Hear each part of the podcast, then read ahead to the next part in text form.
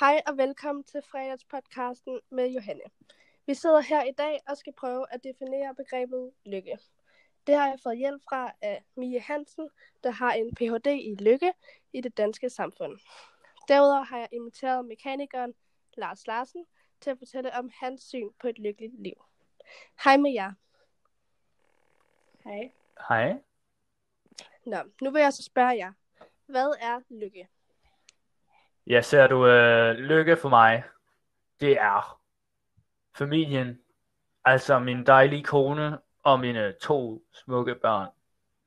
Øh, og vi har jo alle sammen hørt om øh, begrebet, at penge ligesom giver lykke, og penge ikke giver lykke, men øh, ja, ja, vi har vist hørt, at penge ikke giver lykke, så vidt jeg ved. Altså, ja. Men giver penge lykke for dig? Nej, jeg vil umiddelbart sige, at det kun er min, øh, min familie. Øh, jeg ved ikke, hvad der ellers skulle give lykke i mit liv. Øh, der er selvfølgelig også mit job, øh, som jeg virkelig godt kan lide. Øh, men øh, det er mest min familie, der betyder alt for mig. Og det må vel være lykken. Ja. Mie, hvad siger du til det? Øh, ja, det er jo spændende at høre, hvad Lars har at sige til hans lykke. Øhm, hvis man kigger på det fra et samfundsfagligt perspektiv, så kan man øh, øh, snakke om noget, der hedder Easterlins paradox. Øh, og det er en graf, der viser, at graden af lykke stiger faktisk ved BNP-indkomst. Øhm, men den viser også, at når indkomsten så er steget til et vist punkt, så stiger lykken ikke længere. Og hvis jeg lige kan sammenligne det, så man kan forstå det, øh, så hvis vi nu sammenligner for eksempel en fattig familie i Afrika med en almindelig familie i Danmark, så er der nogle problematikker i Afrika, som skaber nogle, øh, altså ja, noget, der ikke er lykke, hvor man, altså for eksempel med at få mad på bordet, eller få vand hver dag, øh, som man i Danmark øh, har fri råd til. Øh, så derfor så er der højere lykke i Danmark end i et land i Afrika. Øhm, men hvis man så for eksempel kigger på Trumps familie i USA, øh, som der er super, super rig, så har de ikke sådan, samme problemer som i Afrika.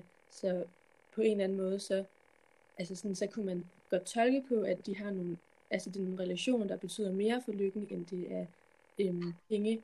Selvfølgelig skal man have nok penge til at overleve, men man behøver ikke så mange penge, Så, Øh, man behøver ikke at være millionær for at være lykkelig. Øhm, men der er også noget, der hedder den hedonistiske travmille, øh, som viser, øh, at man lever efter nogle normer og nogle forventninger. Øh, og de her for normer og forventninger bliver så også rykket i og med, øh, at man øh, får flere penge, øh, og de her normer og forventninger, de definerer sig ens lykke. Øh, så hvis min norm er at få mad hver aften, så er det min forventning, og at det vil definere min lykke, så hvis jeg ikke får mad om aftenen, så vil jeg blive ulykkelig. Altså på den måde kan ens norm rykke sig. Mm. Jamen, øh, hvordan synes I, at relationer påvirker et menneskes lykke? Ja, men altså, jeg vil helt klart sige, at øh, at se mine børn vokse op, øh, og sådan nogle relationer, sådan nogle tætte relationer som min familie.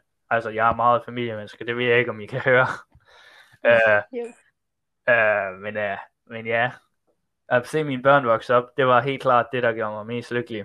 Altså, det har selvfølgelig været hårdt de første par år, hvor jeg skulle løbe frem og tilbage, tørre bræk op og tørre deres røv. Men det var helt klart det værd. Og jeg vil klart sige, at at få børn, det er 100% det værd. Ja, øhm, og der vil jeg lige skyde ind, at som Lars sagde, så er det hans familie, der giver ham den største lykke.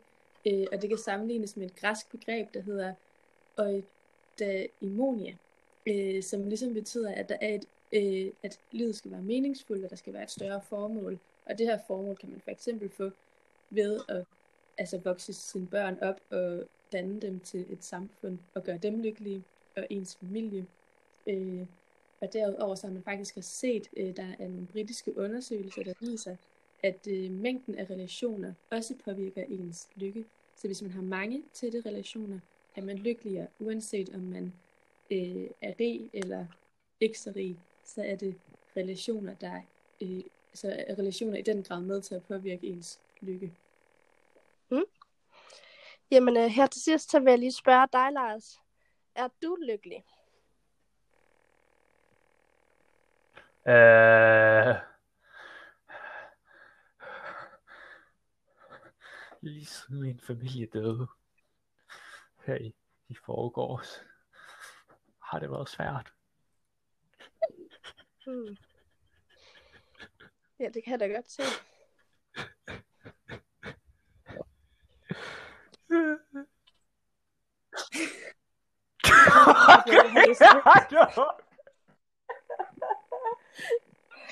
Ja, jamen øh, det var vist øh, alt for i dag.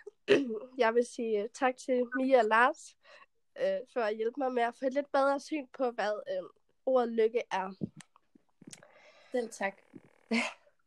Så øh, tak for i dag, og til jer lytter derude. Vi ses igen på fredag, hvor vi skal snakke om identitet.